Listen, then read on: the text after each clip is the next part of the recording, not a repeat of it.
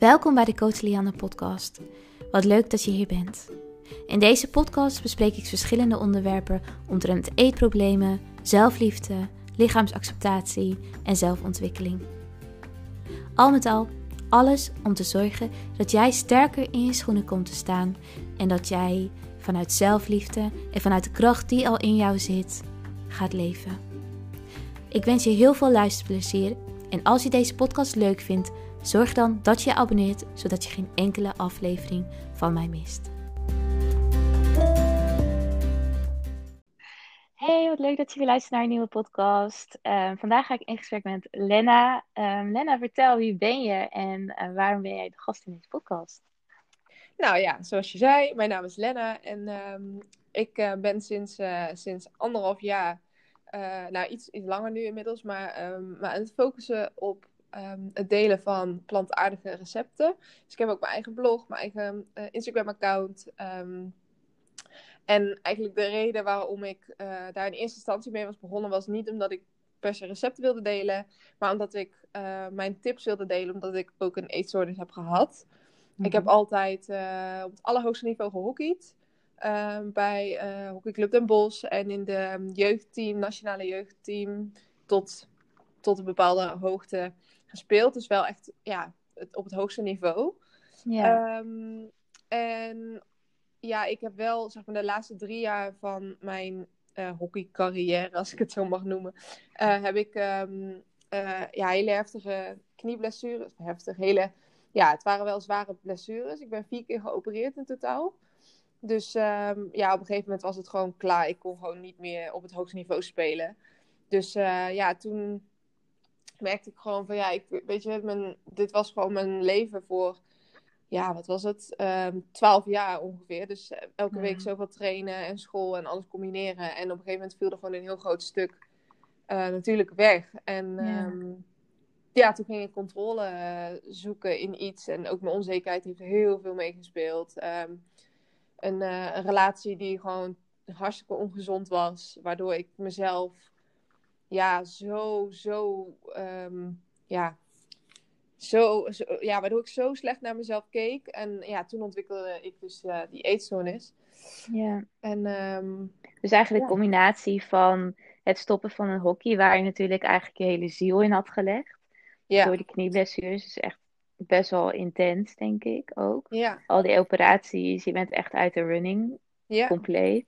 En een, een destructieve relatie.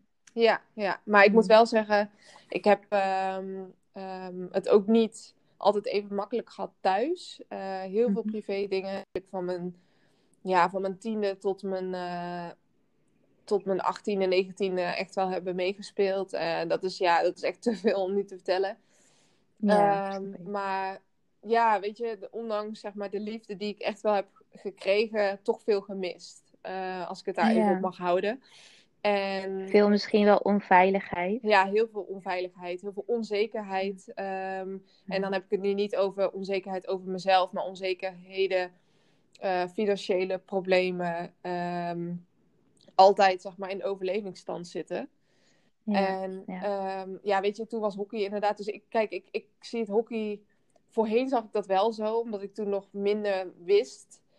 Um, maar toen dacht ik eerst van ja, ik ben gestopt met hockey, dus uh, ik wil gewoon um, slank blijven en, uh, en uh, um, ja, dat, dat, dat onder controle houden. Maar nu ik wat maanden, jaren verder ben, besef ik me dat dat het helemaal niet was. Mijn hockey was, of het hockey was gewoon mijn uitlaatklep. En dat viel weg. Het ging niet over het sporten. Er zat veel meer onder dan dat wat de afgelopen jaren allemaal is gebeurd. Ehm, dus ja, dat, dat is wat ik me nu ook steeds meer besef. En, ja, dus dat. dat Eigenlijk dat- was hockey jouw veilige plek, Ja, jouw, ja, jouw mechanisme om om te gaan met alle onzekerheid en onveiligheid ja, in je thuissituatie. ja, Ja, ja, ja. ja. Maar los van, eh, los van de thuissituatie, ik, ik moet zeggen dat ik altijd wel een, eh, ja, wat onzekerder was ook. Eh, ook pesterijen op, op school. Ehm, Dus ja, het, het was eigenlijk gewoon heel veel bij elkaar, waardoor ik gewoon de controle probeerde te pakken, omdat ik zo onzeker was.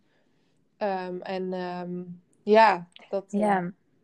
Ja, dat is natuurlijk ook wel logisch, want uh, waar je in opgroeit, dus je zorgverleners zijn je grootste voorbeeld. En als die veel onzekerheid geven, dan word je natuurlijk ook heel onzeker over jezelf. Ja. En als je je onzeker gaat opstellen naar iedereen om je heen en op de, op de basisschool bijvoorbeeld, dan ben je ook heel snel een pispaaltje. Ja, ja zeker. Ja. Zeker. Dus ja, dat is gewoon uh, totaal niet makkelijk geweest. Maar ja, weet je, ik kan er altijd.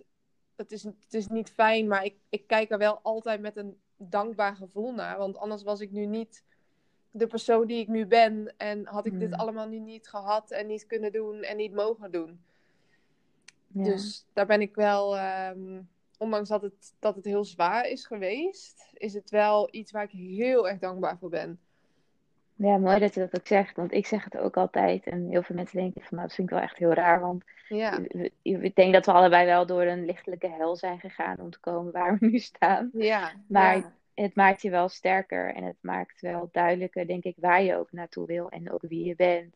Ja. Want hoe oud was je toen je een eetstoornis ontwikkelde?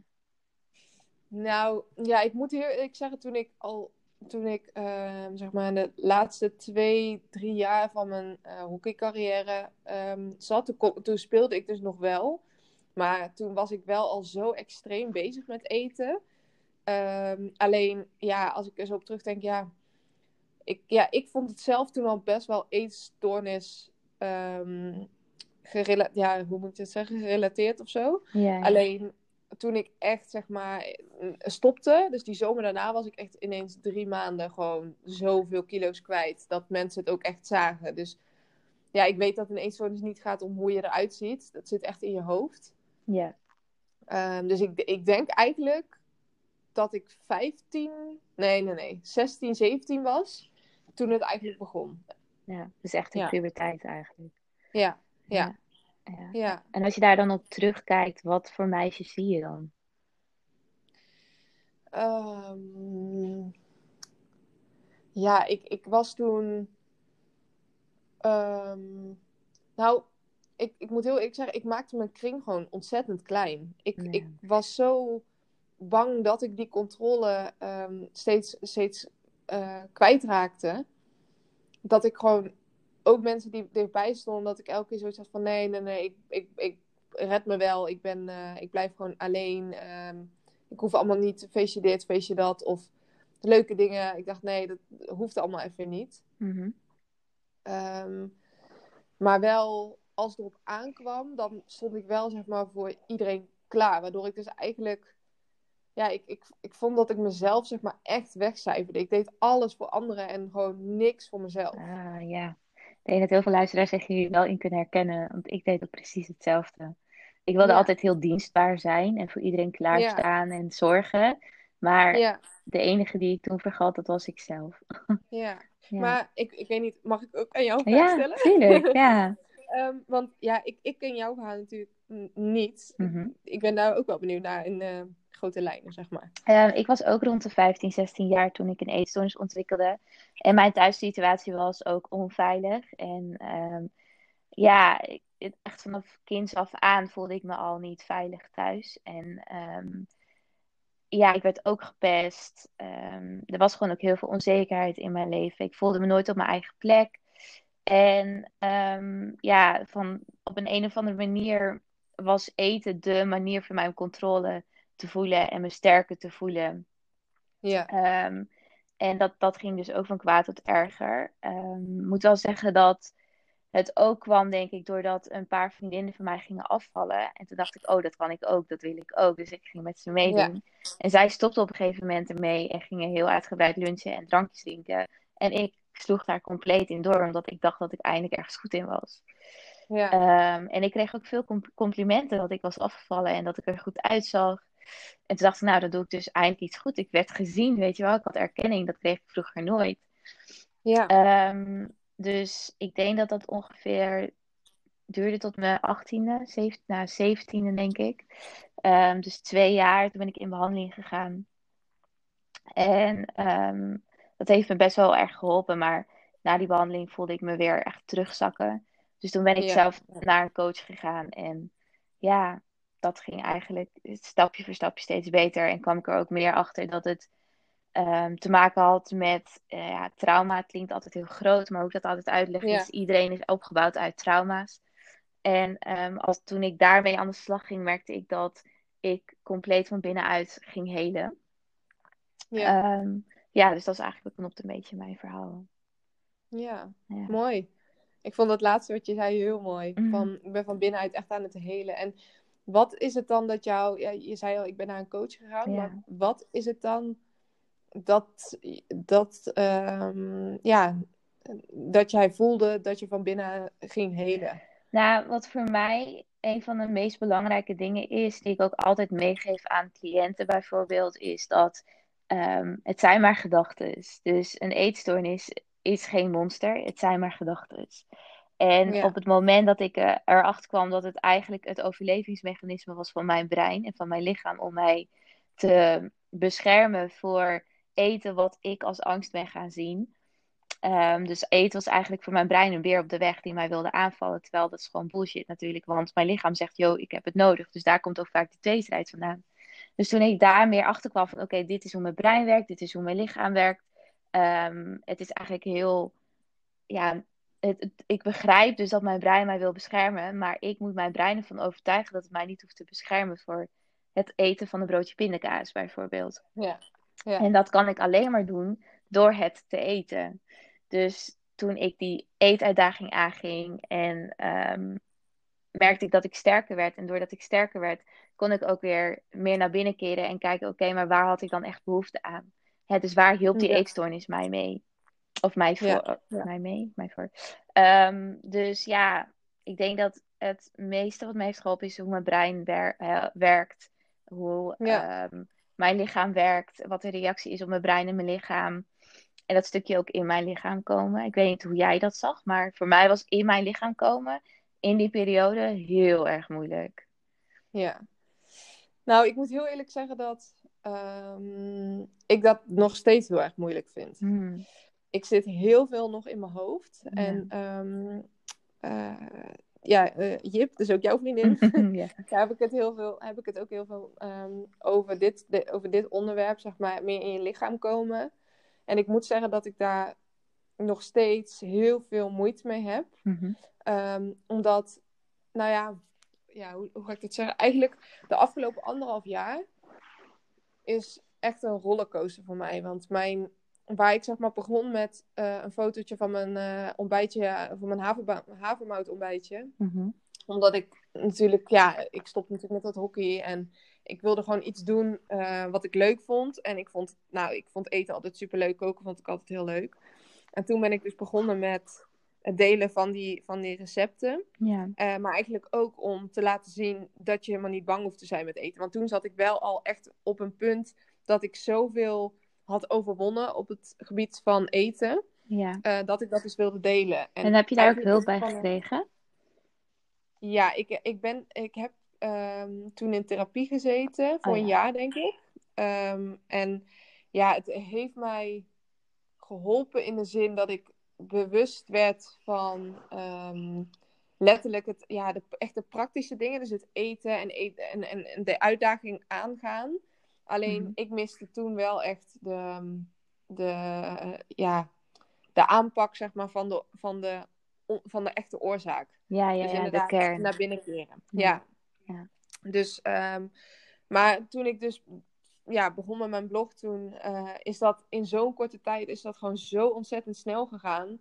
Uh, en vooral ook eigenlijk sinds, uh, sinds um, ja, corona, dus zeg maar nu bijna een jaar, mm-hmm. is het gewoon zo ontzettend gegroeid. En is mijn bedrijf zo gegroeid dat ik ja, gewoon echt te veel uren maak. En um, ik voel het ook de afgelopen weken weer. Ik ben gewoon zoveel aan het doen dat ik alleen maar in mijn hoofd zit. En ja nu is het niet meer dat ik het ga uiten in, ehm, in dat eten, dus. Mhm. Maar is het, nou, ik, nee, ik, ik, ik moet niet zeggen dat ik vlucht in mijn werk, dat niet. Uh, heel soms wel, maar niet. Kijk, een eetstoornis is gewoon echt constant vluchten. En mijn werk is niet alleen maar vluchten. Kijk, af en toe merk ik wel van, oké, dan ga ik toch door omdat ik denk, oh, ik moet nog dit doen of oh, ik moet nog dat doen. En ik, oh, ik wil dat mensen uh, dit, dit ook nog willen zien. Of dat ik zoveel likes haal. Of weet je wel, dat, dat heb ik wel af en toe. Maar over het algemeen, zeg, 90% van de tijd doe ik echt mijn werk omdat ik het heel leuk vind. Ja. Maar daarbij komt dus wel kijken dat ik heel veel in mijn hoofd zit en heel weinig in mijn lichaam. Dus ja, ja. Ja. de enige manier om dat natuurlijk te creëren is door rust te nemen. Dus Ja, letterlijk de tijd te nemen om dat te doen. Ja, Ja, ja dus eh, ik moet zeggen dat ik daar eh, nog, nog best wel veel, eh, ehm, ja, veel, veel mee, mee kan doen. En ook echt nog wel moet leren. ja. Ehm, maar Maar dat is Ja. wel, wat ik ook altijd mooi vind om te delen, is dat het leven eigenlijk een groot leerproces is. Ja, Dus ja, ehm, ik denk dat je ook heel veel leert van deze periode. Ehm, En dat je er misschien ook wel dankbaar voor kan zijn. En wat ik ook wel mooi vond, eh, wat je deelde, was dat je eigenlijk anderen wilde laten zien door je Instagram-account dat eten normaal was. En Ja. de angst ook eh, daarmee misschien kon overwinnen of helpen anderen daarmee. ehm, of inspireren om die angsten te overwinnen. Ehm, Ja. Maar wat ik me ook kan herinneren bij mezelf, is dat ik ook heel veel foto's maakte van mijn eten. En altijd Ja. bezig was met eten en koken. Eigenlijk alleen maar heel erg uit mijn eetstoornis. ja, Eh, en dat zie ik ook heel veel bij, bij anderen. Ehm, dat, ehm, dat ze echt denken letterlijk dat ze kok willen worden of iets anders dergelijks. Met, alleen maar met eten, omdat ze alleen maar in hun hoofd met eten bezig zijn. Was dat voor Ja. jou ook ehm, als eerste ook wel waarom je dat deed? Ik denk het heel eerlijk gezegd wel. Ja. In het begin zeker wel. Kijk, ik val je niet Ehm, aan of zo hoor, maar dit is iets wat heel Nee. veel voorkomt. Ja, Ehm, Ja. En ja, ik dacht, ik zat alleen maar naar 24 Kitchen te kijken, bijvoorbeeld. ja, Eh, ja. Ik was alleen maar bezig, oh, dit recept, dat recept, dit wil ik maken. Maar dat kwam echt letterlijk omdat mijn lichaam zo onder voet was. En mentaal ik gewoon niet genoeg, en mentaal en lichamelijk gewoon niet genoeg at. Waardoor alles wat ik deed werd gelinkt aan eten. Ja, ja. Nou, ik moet zeggen, in het begin denk ik zeker wel. Ja. Zeker wel. Eh, maar wat ik op een gegeven moment me echt besefte was. eh, en, en toen moet ik zeggen, toen ben ik wel echt ook ehm, meer in, me, in mezelf gekeerd. En heb ik echt geluisterd naar wat vind ik nou echt belangrijk. Ja, En ik ben altijd iemand geweest die ehm, het beste wilde voor anderen, iets goeds wil doen, anderen helpen, klaarstaan voor anderen. Ehm, en dat vind ik iets heel moois. Kijk, het is ook echt mijn valkuil geweest. Alleen, ja, weet je, ik, ik, ook als ik kijk naar eh, mijn moeder, mijn oma, eh, daar lijk ik heel veel op. En die zijn ook zo. Ik, Mhm. ik, ik word zo blij als ik iets iemand anders kan geven of iets goeds kan doen. Of kijk, ik ben totaal niet materialistisch en je maakt me echt blij met de kleinste dingen, echt met niks. ja, En eh, wat ik op een gegeven moment dus echt merkte was dat iets goeds doen. En ehm, ja, ik vond op een gegeven moment gewoon het, het, het. Ik werd zo bewust van waar wij als mensen zeg maar mee bezig zijn. Wat wij naar binnen werken. En wat niet per se voor onszelf, qua gezondheid ook zeker wel. Maar vooral van wat doet dit nou met de rest van de wereld? Letterlijk dieren en het milieu. En ik vond dat gewoon zo ontzettend belangrijk. En Ehm, ja, toen heb ik ook heel veel documentaires gezien, boeken gelezen, ook wat het allemaal dan eh, voor uitkomsten kan hebben. En toen ben ik me echt op dat plantaardig eten gaan richten. En toen is eigenlijk eh, wat ik voorheen eh, wel merkte, dus bij die recepten delen, ehm, dat het echt gefocust was op eten en ik wil dit maken en dat maken. Mhm. Maar op een gegeven moment was het, sloeg het om in, eh, ik wil eten maken ehm, omdat ik gewoon echt iets goeds wil doen voor anderen, voor de dieren, voor eh, de planeet, voor moeder natuur, letterlijk. En, en, en toen eigenlijk, want ik merkte wel in het begin dat ik toen ook nog best wel wat eh, restricties had. Dus ik, ik, ik had echt van die fear foods nog. ja, En nu is het dat gewoon helemaal weg. Alleen eet ik, ja, eet ik geen dierlijke producten, maar dat is niet omdat ik daar bang voor ben. Dat is omdat ik dat gewoon niet wil eten. Ja, omdat, Gewoon omdat eigenlijk doe je het Ja. uit liefde voor de wereld. En het precies. leven en Ja. de ja, Ja. natuur. Ja. Ja. Ja. Dus, Want dat is ook ehm, wel een hele mooie, denk ik, om te delen ook. ehm, dat als je er bang voor bent om het te eten, dan moet je het juist eten. En het wil dan niet zeggen dat ik je aanmoedig om nooit vegan te zijn of vegetarisch te zijn. Dat is een keuze die je mag maken uit je hart en niet uit je hoofd. Ja, ja, precies. Ja, en, en, en dat was echt wat ik voelde. Ik, ik, ik voelde gewoon, dit voelt zo fout om dit nog te doen. En ik wil ook, ik ben totaal niet iemand die, eh, die zegt dat iedereen vegan moet eten. Helemaal niet. Ik, ik probeer juist het heel toegankelijk te maken en heel leuk. En te laten zien wat je wel mag eten in plaats van wat je niet meer mag eten. Mhm. Uh, maar voor mij, als ik echt ja, voel waar ik voor sta en wat ik belangrijk vind, dan, dan is het dat. Ik, ik kan het gewoon niet over mijn hart verkrijgen om ja, zeg maar de, de planeet iets aan te doen. Mm. Terwijl over een paar jaar, een paar honderd jaar misschien nog uh, mijn kinderen, kleinkinderen, achterkleinkinderen hier moeten leven, zeg maar. Ja, Dus mooi. ja, dat was voor mij echt de reden om, om uh, plantaardig te gaan eten. Ja. En uh, toen is eigenlijk die, ja, die, die, um, um, ja, die, die, die, die, lijst met die veerfoods, die verdween. Die verdween gewoon. Ik maak nu de lekkerste Oreo cheesecakes. en, en, en, en ja, toetjes en van alles waar ik gewoon altijd Ja. gewoon angstig voor was. Ja, dat is nu gewoon... Ik, ik twijfelde er gewoon niet meer aan. Dus ja, dat heeft voor mij gewoon zo ontzettend geholpen. Ja, mooi. Ja. Ja, het is, het is wel echt mooi dat je dat deelt inderdaad. Ik zag ook die foto's dacht, oh my god, het ziet er zo goed uit allemaal. ja. Ja, Ja. dus, ehm, Ja, dus ik vind dat Ik denk ook leuk. wel, wat ik ook heel erg, waar ik heel erg in geloof, is dat als jij een doel vindt in het leven, eh, het hoeft niet één doel te zijn natuurlijk, maar je kan meerdere doelen hebben in het leven waar je hart sneller van gaat kloppen. Als je, als je daar naartoe kunt gaan, gevoelsmatig op het moment dus dat je nog in een eetstoornis zit of in een traumaverwerkingsproces zit, dat je dan ook eh, jezelf veel meer kan toezetten om te herstellen en te helen, omdat je weet waarvoor je het doet. Ja, ja Ehm, zeker. Dus ik denk dat je dat dan misschien ook wel heel erg voelde. Dat je dacht, ja, maar ik ben hier niet voor niks. Er is een reden Ja. waarom ik hier ben. En dat geldt voor Ja. iedereen. Dus ook jij Ja. die dit luistert, jij bent hier met een reden. En als je dat voelt, als je dat intern gaat voelen, dan, eh, dan wil je ook jezelf helen eigenlijk. Want dan denk je, ja, ik ben hier niet voor niks. Ik kan hier zoveel Ja. doen en ik kan zoveel meegeven aan de wereld. En voor jou is dus dat stukje plantaardig eten. En voor mij is dat een stukje hè, mensen helpen om mentaal eh, te helen en te helen van trauma van een eetstoornis. En zo heeft iedereen weer een ander doel, denk ik, in het leven. Zeker, ja. Ja, ik vind dat ook iets heel moois. Ik, ehm, toen ik me dat steeds meer besefte van... Kijk, het is niet dat ik, dat ik voel van ik moet... Of mijn, ik ben hier gekomen om mensen meer plantaardig te laten eten. Het is meer, ik wil eh, op mijn manier iets... Iets doen voor de ehm, wereld. Iets goeds, iets goeds doen voor de wereld, voor anderen. Want uiteindelijk, als je iets goeds doet voor de planeet... dan help je daar ook anderen mee. Help je daar ook dieren mee. En uiteindelijk natuurlijk jezelf. Ja, Ehm, en bij mij uitzicht dat nu in plantaardig eten. Maar ja, weet je, er zijn natuurlijk ook heel veel mensen bezig met andere vormen van duurzaamheid. zeker. Waar ik me ook steeds meer aan het, eh, ehm, of steeds meer over aan het leren en lezen ben. Eh, dus ik vind dat over, ik vind zo, zoveel dingen interessant en zoveel dingen leuk. En ik wil zoveel dingen leren. Ja, En, eh, maar voor mij is dit gewoon, ja, weet je, dan heb ik het ook met anderen over.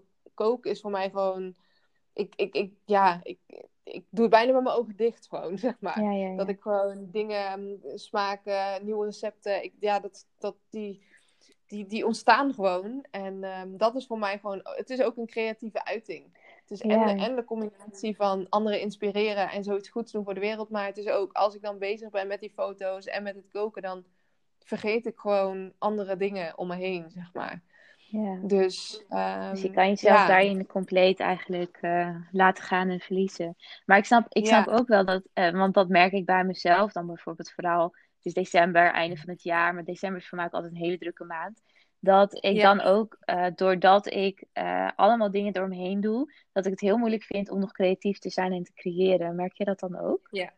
Ja, zeker. Want de laatste weken, kijk, ik, ik maak natuurlijk heel veel recepten en foto's voor anderen, voor andere bedrijven of Ja, eh, ja, als opdracht. En dat merk ik wel de laatste, ja, laatste af- anderhalve maand, twee maanden, dat ik eigenlijk voornamelijk omdat ik nu zoveel werk heb, dat ik het alleen maar voor anderen aan het doen ben. Dus voelt het ook als, ja, nou ja, het is wel mijn passie. Ik doe het met heel veel plezier, Mhm. maar het voelt nu wel af en toe als werk in plaats van dat het voelt als mijn passie. ja, Ehm, dus inderdaad, dat, dat creatieve en dat creëren en, en ehm, ja, dat, dat mis ik inderdaad wel een beetje de laatste weken. mhm. Eh, maar toch ben ik wel iemand die, die het, het glas vaak half vol ziet.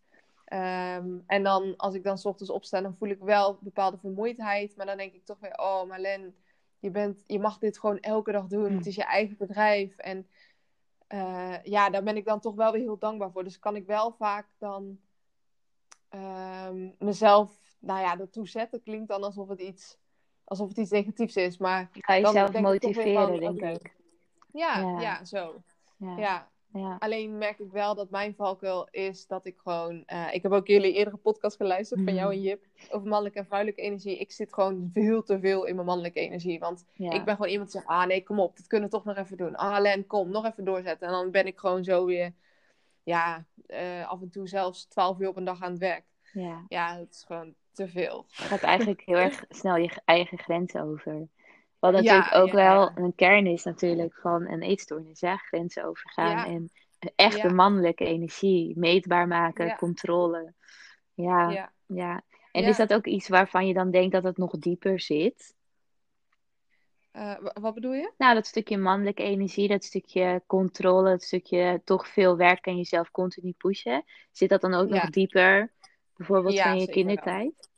Ja, zeker. zeker. Ik, ik heb toen, ik kende niet anders dan dat ik door moest zetten. Ja. En moest bikkelen en uh, moest overleven. Ja. Um, dus ik, ja, zeker, zeker wel. Ik, ik merk dat heel goed. En uh, ik ben er wel. Kijk, nu, wat het verschil met, met een aantal jaar geleden is, dat ik me er nu bewust van ben. En dat wil niet zeggen dat ik het dan altijd meteen af kan remmen of dat ik er iets aan doe. Maar ik ben me er wel bewust van en ik weet nu ook waarom ik op bepaalde momenten in bepaalde situaties op een bepaalde manier reageer. En um, ja, dat bijvoorbeeld mijn vriend, ja, die, die kent mij echt als geen ander. Die weet precies wat er aan de hand is als ik op een bepaalde manier reageer. En die zegt ook van Len, het is, je weet gewoon nu dat het weer te veel is. En um, dus ja, weet je, ook, ook nu weet ik gewoon op precies de juiste momenten wanneer ik dan echt even gas terug moet doen. En heel vaak lukt het me dan toch niet en ga ik die grens weer over. En um, is het, nou ja, nou ja te laat. Um, dan kost het me wel weer even om daar een soort van bovenop te komen. Mm Maar het is nu wel minder heftig, want voorheen wist ik, snapte ik niet waarom ik bepaalde uh, reacties had, waarom ik bepaalde emoties had, waarom ik zo kon ontploffen, zeg maar. Of juist zo emotioneel werd. Ja. En nu is dat gelukkig wel zo. Dus kan je het er misschien ook meer laten zijn en omarmen. Ja, ja, ja. dan zeg ik ook vaak, ook bijvoorbeeld tegen mijn vriend van... Weet je, ik zit er nu even in, laat het maar heel even. Hm. Uh, dan ga ik ook vaak gewoon heel even naar buiten. En dan is het maar tien minuten even een frisse neus halen. Maar dan ben ik daarna wel weer geland. Ja. Dus ja, het, ik, ik vind het stukje bewustwording, vind ik gewoon zo, zo'n verschil als je dat hebt. Ja, klopt. Kijk, natuurlijk, we zijn nog steeds mensen en iedereen maakt nog steeds fouten en, um, en je kan het nooit perfect doen. Nee. Maar het is wel al een verschil als je weet waar bepaalde dingen vandaan komen. Want dan kun je wel tegen jezelf zeggen van oké, ik weet nu dat ik bijvoorbeeld, um, uh, stel, ik ben, ik ben een keer heel erg verdrietig. Uh, dan kan ik wel gewoon echt voelen van ja, waar komt dat verdriet dan nu vandaan? Is het weer die onzekerheid? Is het weer die controle die ik nu verlies? Ja. En dan kan ik ook weer tegen mezelf zeggen van Marlen, je, je hebt, je, je, bent, je bent er, je bestaat. Die mensen zijn, om, zijn er um, in jouw omgeving die van jou houden. Je hoeft de controle niet te pakken, je hoeft niet te overleven, want het is oké. Ja, dus dat is wat ik wel nu tegen mezelf kan zeggen heel vaak. Ja, ja, dat is het meest belangrijkste. Want we kunnen nooit een leven leven zonder triggers en zonder dit soort momenten. Um, ja, ik, zeker. ik heb dat ook heel erg. Ik kan ook heel erg in mijn mannelijke energie uh, zitten en duiken in werk. En dan denk ik, oh my god, ik voel me echt opgebrand. En dan heb ik ook een huilbui, bijvoorbeeld, huilbui bijvoorbeeld. En dan ja. laat ik dat er ook gewoon zijn. En denk ik, oké okay, Lianne, je bent weer getriggerd. Je wilt heel te veel. Uh, maar dat is ook oké. Okay. Um, of je wil, ja, je, je wilt weer te veel mensen helpen. Of uh, er zijn altijd trigger, triggers in ons leven die ons terugbrengen naar onze kindertijd. En op het moment dus dat we dat pauzemomentje nemen, wat jij heel, heel mooi zegt, ja, dan ga ik heel even naar buiten, ga ik heel even wandelen, praat ik met mezelf. Dus ga je echt de dialoog met jezelf aan. Op het moment dat je dialoog met jezelf aangaat, creëer je ook veel meer rust. Want je laat en dus eigenlijk die kritische ik er zijn, daar ga je mee in gesprek. gesprek. Ja. En daardoor ehm, ga je er dus niet mee in gevecht. En laat je Ja. het er dus zijn. En door op het moment dat je dingen gaat omarmen, ga je, ga je trigger omarmen. En kan je weer doorgaan. En dat is voor mij ook heel erg herstel. Een hele is, ik ben bewust van wat mij triggert. Ik ben bewust van wat ik dan voel. Ehm, en dat vind ik oké, dat laat ik er zijn. Ik weet waar het vandaan komt, maar ik geef het liefde. Ik omarm het. Ja. En dan is het weer goed. Ja, ja, precies. Ja, mooi. Heel mooi. Ja. Ja. En ik was ook benieuwd, want je had het eh, toen net over die, over die trauma's. Mhm.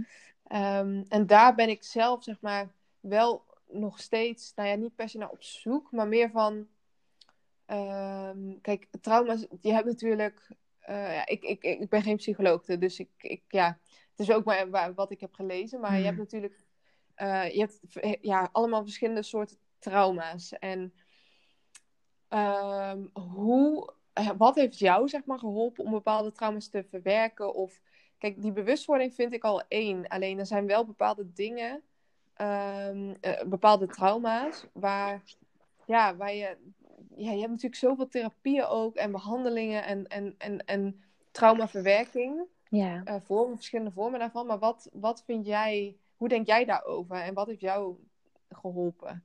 Ehm, voor mij was het dus eigenlijk heel erg teruggaan naar, naar Ja. de kindertijd. En naar wat bijvoorbeeld het, de, de, de momenten zijn dat ik mij eenzaam, alleen, eh, onveilig voelde. Dus daar echt veel over praten. Echt praten. Eh, in meditaties daar naar teruggaan, visualisaties. Ehm, en voornamelijk dus waar we het net ook over hadden, die triggers. Ja. Dat ik dan ook dat kan koppelen aan een periode in mijn leven waar ik, in, waar ik hetzelfde in voelde. En waarin ik op een bepaalde manier ging of waarop ik op een bepaalde manier ging reageren. eh, wat ik Ja. dan nu misschien zelfs nog steeds doe. Ehm, Ook ehm, dat stukje veiligheid creëren in mijn omgeving. Omdat ik me heel erg onveilig voelde vroeger, is het voor mij nu een uitdaging om veiligheid te creëren. Waardoor ik dus ook kon helen van mijn Ja. trauma. Eh, een stukje doel vinden in het leven waar ik dan naartoe kon werken. Ehm, en ja, en, en je kan het dus niet alleen. En dat is ook waarom ik dus zo'n eh, trauma-informed coaching opleiding heb gedaan. En trauma-informed coaching is dus heel erg hoe werkt het brein, hoe werkt je zenuwstelsel. En een trauma wordt ook opgeslagen dus in je zenuwstelsel. Dus het kan letterlijk je zenuwstelsel veranderen. Maar dat kan jij weer terugzetten door dus in het nu andere keuzes te maken dan hoe jij vroeger met een trauma of een trigger omging. Ja, ja, Ehm, ja, emoties. Kijk, we zeggen heel vaak emotieregulatie. Alleen emoties hoef je niet te regu- reguleren. Ze zijn er om jou te helpen. Ze zijn er om jou eh, te onderwijzen. En waarschijnlijk ook om jou te beschermen. Dus op het moment dat jij je verdrietig voelt, hoef je niet precies te weten waar het vandaan komt. Dan mag je het te laten zijn en omarmen. Eh, op het Ja. moment dat je boos bent, mag je dat er ook laten zijn.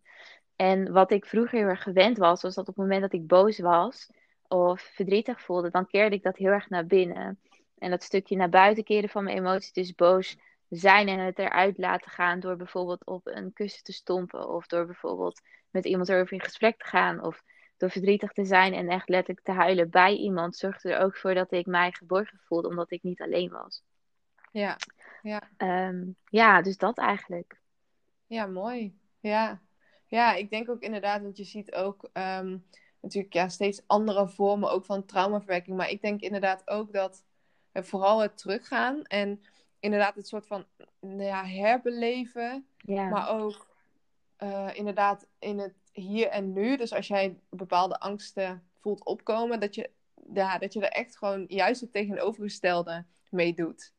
ja, Eh, en dat is ook wat ik, wat ik bij dat eten eh, deed. Dan had ik in mijn hoofd van nee, Len, je mag maar twee boterhammen en niet drie, want drie is te veel. Mm. En dan ging ik dus letterlijk ging ik toch drie boterhammen eten, omdat ik dacht, jee, want dat wat in mijn hoofd zit, dat is die controle en dat is die angst en dat is ja, die kern, zeg maar. ja, Dus klopt. Precies ja, dat. ja, Ja, kijk, en wat ik heel erg belangrijk vind, is om echt de kern, naar de kern toe te werken. Dus naar, ja, dus echt de root cause van, eh, van waardoor het komt, waardoor jij bijvoorbeeld in een eetstoornis terecht komt of bent gekomen. Of waardoor jij, het komt dat jij heel snel jezelf verliest in werken. Of waardoor het komt waardoor iemand niet verder komt. Hè? Waardoor je dus niet Ja. verder komt in heling. Da Ja. daar, daar, daar, daar zit een root cause onder. En daar zit vaak een, een innerlijk kind onder wat zo op zoek is naar gezien worden of veiligheid. Of, ja, en, en kijk, een trauma is niet groot. Hè? Het kan van alles zijn. Het kan zelfs Ja. een, een, een nare blik van je moeder zijn op het moment dat jij zegt dat je hulp nodig hebt, bijvoorbeeld. Ehm, het kan echt van alles zijn. En dat, dat, Ja. dat hoef je niet te onderschatten. Ehm, ja, en daar, daar mag je ook echt eerlijk in zijn dat, dat dat nog steeds iets is wat in jou zit opgesloten. Waardoor als jij een blik krijgt van je vriend die heel erg lijkt op die van je moeder, dat je dan letterlijk getriggerd wordt. Ja. Ehm, en het is dus ook niet het doel van traumaverwerking is niet dat je nooit meer getriggerd wordt, maar dat je dus op een andere manier daarmee om leert gaan. Dus uit meer Ja. liefde, uit meer zorg voor jezelf. Ja, ja. Ja, en ja, zeker, zeker dat. En, en wat ik zelf, als ik nu ehm, zo, zo denk aan hoe ik daar nu mee omga, wat ik, waar ik nog steeds wel heel veel moeite mee heb, eh, merk ik vaak, is dat omdat wij zo in dat, in dat overleven zaten, of nou, zal ik, ik zal het even bij mezelf houden, omdat nee, ik zo in die overlevingsstand zat. Dat het heel, eh, Eh, ja, ik snap wat je bedoelt. Ja, en, en zo moest, moest bikkelen. Wat, wat ik dus heel erg, heel erg sterk voel, is vaak van, oké, dan, dan voel ik een, een, een, een, ehm, een onzeker gevoel, voel ik me verdrietig. Mhm. En wat er nu heel vaak bij mij opkomt is, Marlen, er zijn zoveel mensen die zoveel minder hebben en misschien geen eten hebben of geen dak of ja, weet je, dan, dan, dan ga ik zo denken van, oké Len, kom op, zet gewoon door, Mm. want je hebt zoveel mooie dingen en stel je niet aan, bij wijze van. Ah, dus ben je eigenlijk heel hard naar jezelf. Ja, ik ben echt ontzettend hard dat het, het, mag, het mag er vaak gewoon niet zijn, terwijl ik weet dat het wel mag en dan probeer ik het ook toe te laten. Mhm. En dan komt er ineens bijvoorbeeld iemand anders met eh, een heel verdrietig verhaal. Of iemand die iemand is verloren. Of ehm, ja, nu met corona, weet je wel, dat de horecadicten. En dan denk ik, oh Len, stop met zeuren. Want sommige mensen die hebben nu gewoon, die moeten hun tent sluiten, zeg maar. Ja, ja. Ja, en dat, is, dat, is, dat vind ik zo ontzettend moeilijk. Omdat ik zo het, het belangrijk vind dat anderen zich goed voelen. Ehm, ja, dat, dus dat is wel iets waar ik, eh, ja, waar ik af en toe wel eh, tegenaan loop ook, nog steeds. En, maar goed, ook dat weer, ik ben me er wel bewust van. Ehm, en ik weet ook dat als ik anderen uiteindelijk wil helpen, dat ik ook eerst voor mezelf moet zorgen. Want anders kan ik anderen niet helpen. Nee, precies. Maar goed, ja, Ja. dat is wel, Het begint eh, dat is natuurlijk wel bij een jezelf. stukje. Ja, en ik denk dat Ja. hierin ook wel een uitdaging is dat je liever naar jezelf gaat zijn. Dus dat eigenlijk is dat jouw innerlijke criticus die continu zegt: Kom op, niet zo zeiken, gewoon doorgaan en nou, let's go, let's go. Ja, ja. En daar hoef je dan niet tegen te vechten en niet te zeggen: Ja, rot op, dat wil ik niet. Maar ik kan wel aan, aan die criticus vragen: Oké, maar waarom zou ik door moeten gaan? Wat denk je dat ik ermee kan bereiken? Dus dat je letterlijk weer de dialoog met jezelf aangaat. En of eigenlijk met de criticus in jou, want iedereen heeft die in, in zich, ik ook. En die van kan bij mij heel sterk zijn. Dat ik die dialoog ermee aanga. Maar dat ik ook zeg van oké, dankjewel. Ik weet dat je me wil helpen. Ik weet dat je me vooruit wil brengen. Maar wat mij nu eigenlijk helpt, is rust. Zodat ik morgen weer opgeladen ben voor een werkdag. Dat je letterlijk Ja. ook daarin eh, mee in gesprek gaat. En dat werkt ook heel vaak. Ja. En wat is het dan bij jou, zeg maar, dat je, ehm, ehm, dat je, zeg maar, toch tegen jezelf zegt van, nee, kom op, kom op, toch nog even doorgaan, toch nog even dit afmaken, Ja, ook omdat dat mijn Wat- overlevingsmechanisme was. Want ik was ook altijd aan het zorgen voor andere mensen. Mijn moeder heeft Ja. kanker gehad, dus ik was anderhalf jaar voor haar aan het zorgen. En daarvoor Ja. was ze ook al best wel veel ziek. Dus ik was altijd aan het zorgen. En dat, was ook mijn, dat is ook gewoon mijn tweede natuur geworden. Dat is wat ik ken. Dat is wat ik als kind af aan al heb gedaan. Zo ben ik geprogrammeerd. Ehm, Ja. En ik ben heel erg gewend om mezelf voorbij te lopen. Dat, dat, zo, Ja. dat is zo mijn mechanisme voor een lange periode geweest. Zit ook zo opgeslagen in mijn zenuwstelsel. Dus het is heel erg moeilijk om dat om te keren. Ehm, Ja, dus ehm, dat is ook echt een proces. Om, om, Ja, mezelf, om dus ook met die criticus in gesprek te gaan. En tegen, tegen die criticus te zeggen van... Yo, het hoeft niet. Het is niet nodig. Ik kies nu voor rust. Ehm, je hoeft niet de hele tijd aan me te trekken. ja, Ja. ja. Jeetje, ja. Heftig ook, Ja, van je moeder, ja. ja. Ja, maar wel ontzettend knap dat je dat ook hebt gedaan. Ehm, ja, vind ik echt heel knap. Heel mooi. Dankjewel. Ja. Ja, Maar dat is ook, zeg maar, op de momenten, op dat soort momenten, is mijn overlevingsmechanisme een overlevingsmechanisme van de mensen zo groot en hoog. Dat je dan niet eens door hebt wat je eigenlijk allemaal doet. En een paar jaar later, als je op teruggaat, denk je, wat de. Ja, Toch? ja, Ja. zeker. Ja, en, en wat ik daar ook heel erg in, eh, wat ik lastig vind, ook nu nog steeds, is ehm, dat bij mij was het ook onveilig. En nu is dat allemaal. Kijk, de band met mijn ouders is nog steeds heel goed hoor, zeker. Ehm, maar ja, ik ben nu natuurlijk wat ouder. En eh, als ik dan nu af en toe daarover probeer te praten met, met, met hen, want ik wilde gezien worden door hen, snap je? Ja. Ik, ik, ehm, en de- dat is wat ik, wat ik vaak heb gemist. Ondanks dat ze alles hebben gedaan wat ze konden. Mhm. Maar als ik dan het er met hun over wil hebben en ook zeg van ja, ik heb bepaalde trauma's opgelopen en ehm, ik, ik, ik, ik, ik, ik, ik heb gewoon dingen gemist. Kijk, ik snap het hè, want zij zijn natuurlijk de ouders en zij willen dat natuurlijk niet horen, want het is gewoon pijnlijk voor hun om te horen. Maar wat ik dan terugkrijg is, ja, maar je hebt zoveel wel gehad, snap je? En dan krijg ik weer dat gevoel Ik van, herkend. ja, ik heb inderdaad ook heel veel gehad. Ja. het, het, het, het mag er dus weer niet zijn, snap je? Ja. Omdat zij dat ook niet willen horen. Want dat is gewoon hun nachtmerrie natuurlijk. Om te horen dat hun kind iets heeft gemist. Wat ik heel goed begrijp. Alleen als ik dan weer in zo'n setting kom. Dan merk ik meteen dat ik mezelf gewoon weer weg ga cijferen. En Ja. ga zeggen van nee, het, het stel je niet aan. Eh, je hebt inderdaad toch nog altijd te eten en een dak boven je hoofd gehad. ja, Ehm, waar. ondanks dat het af en toe eh, heel, heel, zelfs dat heel moeilijk was. Maar eh, ja. Ja dat Kijk, is- je dat ouders zitten ook heel eh, erg in. Wij hebben altijd voor je gezorgd. En dat was voor ons ook heel moeilijk. Want je zegt zelf wel, ja, het, het dak boven mijn hoofd was er wel. En het eten ook. Maar ehm, dat was, ik weet dat het voor mijn ouders niet makkelijk was om dat ook voor elkaar te krijgen.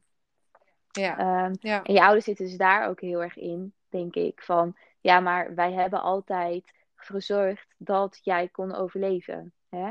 Dat wij met Ja. z'n allen gewoon, we hadden het misschien niet goed, maar we hadden het wel. En daarin worden dus heel snel emoties worden natuurlijk ook weggevaagd. Van ja, daar was geen ruimte voor, want we moeten allemaal overleven. Dus in overlevingsstand staan, is- zijn geen emoties, want dat is te kwetsbaar. En daar hebben denk Ja, ik je ouders ja. weer veel moeite mee met kwetsbaarheid. En erkennen van, ja. we begrijpen dat we te weinig waren geweest, zijn geweest. We Ja. begrijpen dat jij liefde en erkenning en omarming van ons nodig had. We begrijpen dat Ja. die geborgenheid, op mo- dat, dat was er niet. En dat heb jij eigenlijk heel erg van hun nodig. Maar als jij inderdaad snel gaat dichtklappen op het moment dat zij zeggen, ja, maar wij hadden toch altijd alles gehad. Ja, dan, dan begrijpen zij waarschijnlijk ook niet wat het dan eigenlijk precies is wat jij, wat jij zo hard nodig had. Dus in dat soort Nee. gesprekken, en dat zijn hele zware, moeilijke gesprekken, zou je misschien wel kunnen zeggen van, ik weet het en daar ben ik jullie super dank, echt heel erg dankbaar voor. En alleen, het was voor mij meer gevoelsmatig. Op eh, emotioneel level merkte ik dat ik veel meer nodig had op dat level. En ik wil niet zeggen dat jullie mij tekort zijn gekomen in eten of onderdak, of dat ik daar niet dankbaar voor ben. Maar het was voor mij meer het stukje, ik wilde gezien worden. Ik wilde, wilde eens een keer horen dat jullie van mij houden. Ik wilde een keer horen dat jullie er voor mij zijn. Of dat jullie mij gewoon een knuffel gaven. Dat heb ik gemist. Ja. En als zij dat Ja. dan niet erkennen, dan doet dat heel veel pijn. Maar heb je het wel gezegd? het. Heb je het wel gezegd? En dat is heel kwetsbaar. En voor je ouders Ja. is het misschien ook iets wat ze niet gewend zijn om te horen. Want waarschijnlijk komen ze uit een generatie waarin emoties er sowieso niet mochten zijn. Ehm, Ja. Alleen jij bent wel hier op de wereld gekomen, denk ik, om je ouders iets te leren. Daar geloof ik 100% in. Dus ja, ik zou Ja. hun wel kunnen leren om daar het gesprek ehm, over aan te kunnen gaan. En als zij, als zij daar niet voor openstaan in het eerste moment, ja, misschien gaan ze daar later wel in openstaan. Maar ik denk Ja. wel dat je het aan kunt geven. En dat je daar hierin Ja, ook jezelf niet gaat afwijzen op het moment dat je niet verkrijgt van hun wat je eigenlijk nodig hebt. Hè, dus als je zegt, ja, oké, stel je niet aan. Nee, je mag, je mag het voelen. Want het meeste wat jij nodig hebt van je zorgverleners is erkenning, is liefde, is omarming. En als je dat niet verkrijgt, doet dat zoveel pijn. En die pijn zit in jou. Die zit in jou opgeslagen. En hoe jij daarmee omgaat, is jezelf afwijzen en tegen jezelf zeggen: Ja, laat maar. Oké, ik weet dat ik alles heb gekregen. Oh, Jezus, wat stel ik me weer aan? Dat doe je ook in je werk. Ja. Oké, wat stel ik me weer aan? Oké, let's go. Ja. Je mag niet rusten. Je mag niet voelen. We gaan gewoon door. Dus daar, daar, ik denk dat het daar heel erg vandaan komt. Ja, zeker. Dat, dat is het ook. Want, en ik heb, ik moet heel eerlijk zeggen, ik heb het al wel een keer proberen aan te geven dat dat het is. Mhm.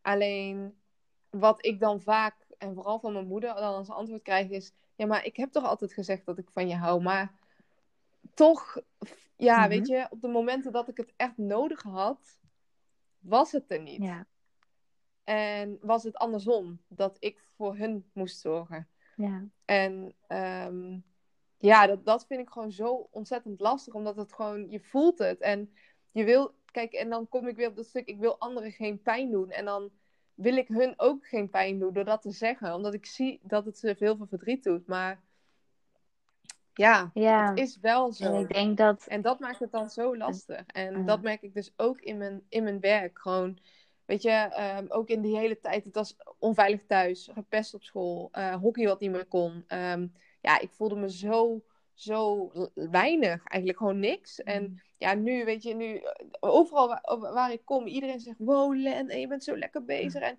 kijk, natuurlijk, iedereen vindt het fijn om die erkenning te krijgen en om gezien te worden. Maar ik merk wel dat bij mij af en toe gewoon ja, dan, dan, dan wa- wa- wat ik ook in de eetstoornis heb gehad, van oh, je ziet er goed uit, je valt af. Ja. En die erkenning en waardering. En ja, dat is nu wel af en toe een beetje ehm, doorgeslagen in mijn werk. Maar wat ik al toen straks zei, ik besef het me wel. En die bewustwording is er wel. En dus kan ik er ook wel tegen ingaan vaak. ja, maar ik denk dat soms als je er niet tegen ingaat en het er laat zijn, dus net zoals met je ouders bijvoorbeeld, dat als je dat gesprek bent aangegaan, alleen je krijgt er niet uit wat je eigenlijk zou willen, dat je dat er ook laat zijn. Snap je? Ja. Dus dat je kan Ja. bewust zijn en het tegen vechten, of je kan bewust zijn en het omarmen, wat je eigenlijk als kind nooit hebt geleerd of wat nooit bij jou is gedaan. Maar dat is wel tijd, denk Ja. ik, dat je dat aan jezelf gaat geven. Ja, Ja. ja. ja zeker. Nou, Zeker. luisteraars, dit is een halve Ja. coachsessie. Ja. nee, maar wel heel interessant, denk ik. Ja, zeker. Ik denk dat het voor heel veel mensen wel heel interessant is. Ook in, met die gedachte van, nee, maar anderen hebben het Ja. nog veel slechter. Daar Dus gaat het niet om, hè? laat Daar gaat het nooit om. nee, Nee, dat herken ik wel hoor, maar daar gaat het nooit om. Het is jouw verhaal, het is jouw proces. En daar, daar mag je verdrietig en boos en, en, en eh, pijn over voelen. Dat is, dat is oké. Ja. Het gaat niet om andere mensen, het gaat om jou. En jij bent net zoveel waard als dat ik ben. Ehm, ja, ja, ja, mooi. ja, zeker. Zullen Mooi. we nog één vraag doen en die stel ik aan jou. Eh, Ja. Wat zou jij graag luisteraars willen meegeven? Ja, wat zou ik willen meegeven? Ehm, nou, het zijn eigenlijk twee dingen. Ja, dat? tuurlijk. Zeker. Eén, Ehm, echt volg je Mm. hart. Dus eh, als het over werk gaat, passie, hobby, whatever, doe echt wat jij leuk Mm. vindt. Ehm, dat is iets wat ik, wat ik, ja, toen ik begon met mijn Instagram, eh, ik, ik was doodsbang. Ik dacht dan, wat gaan anderen hiervan vinden? Maar ja, nu is het gewoon ja, mijn, mijn werk en heb ik, eh, eh, ja, doe ik het echt elke dag met heel veel plezier. En daarnaast, die angst die daar bijvoorbeeld bij komt, komt kijken of bij andere dingen, doe letterlijk het tegenovergestelde Ja. wat er in je hoofd zit. ja. Dat is echt wat ik mee wil geven. Zeker als het ehm, gaat over die, over die eetstoornis bijvoorbeeld, maar het- ook bij alle andere dingen. Als in jouw hoofd zit, niet doen, doe het dan juist. Want dat brengt je zoveel verder en geeft je zoveel meer. Heel mooi. Ehm, ja, dat is echt iets wat ik mee wil geven. Doe het letterlijk het tegenovergestelde van wat je hoofd zegt. Op momenten dat je angstig bent. Ja, heel mooi. Ja, Nou, dankjewel. Ik denk dat heel veel luisteraars eh, hier echt iets aan hebben. Ehm, ja, en misschien kunnen we nog een keer een, een podcast opnemen. Ik denk dat we nog eh, heel ja. veel eh, dingen samen kunnen bespreken. Ehm, dat denk ik ook. Ik denk, ik denk inderdaad, we zijn Ja, ik zag het, ja. Maar ik denk dat wij zo uren kunnen dat denk ik dus ook. En ook best wel interessante Ja. dingen kunnen delen. Ja, Eh, maar ik dacht, ja, anders duurt het weer te lang. Dus eh we laten het hierbij houden. Ehm, nou, wij houden sowieso contact. Super leuk dat je te Leuk. gast was. Ehm, dankjewel dat ik te gast ja, mocht zijn. leuk. En dankjewel voor het luisteren. En ik zie je graag weer terug bij de volgende podcast. Ja, en, en kijk, natuurlijk, ik spreek Jip ook veel. En eh, ze is ook een hele goede, een van mijn beste vriendinnen. En zij zegt ook, ja, ik voel me zo op het gemak bij Lianne. En dat heb ik nu ook echt gevoeld. Van, ik kan het ook delen. En het mag ook. Dus ehm, ja, dat is ook echt een compliment voor jou. Ja, en dat grappige Ja. is, is dat, dat ik krijg dat heel vaak terug. En dat doe ik juist doordat ik eigenlijk vrij weinig doe. Dit is gewoon mijn natuurlijke zijn. Dus dankjewel. Ja. Dankjewel, dankjewel voor je Ja. compliment. Ehm, ik eh, weet nog niet wanneer die online komt. Ik denk eigenlijk dat ik hem al morgen of zo online ga zetten. Eh, want ik Oké, can't superleuk. wait to share. Ehm, dus ehm, je ziet het al, ik weet niet of je mij volgt, maar je ziet het vast wel. Ik ga je sowieso taggen, dus dan zie je het sowieso voorbij komen. Ja, ja, ja, ja. Ehm, Ja, dus eh, ja, dankjewel. Ja, nou jij ook. En We spreken elkaar nou, vast Ja, weer. het is weekend, dus we gaan nu even Ja, we gaan lekker chillen. Fijn Oké, weekend. nou dan houden we wel even contact. Doei.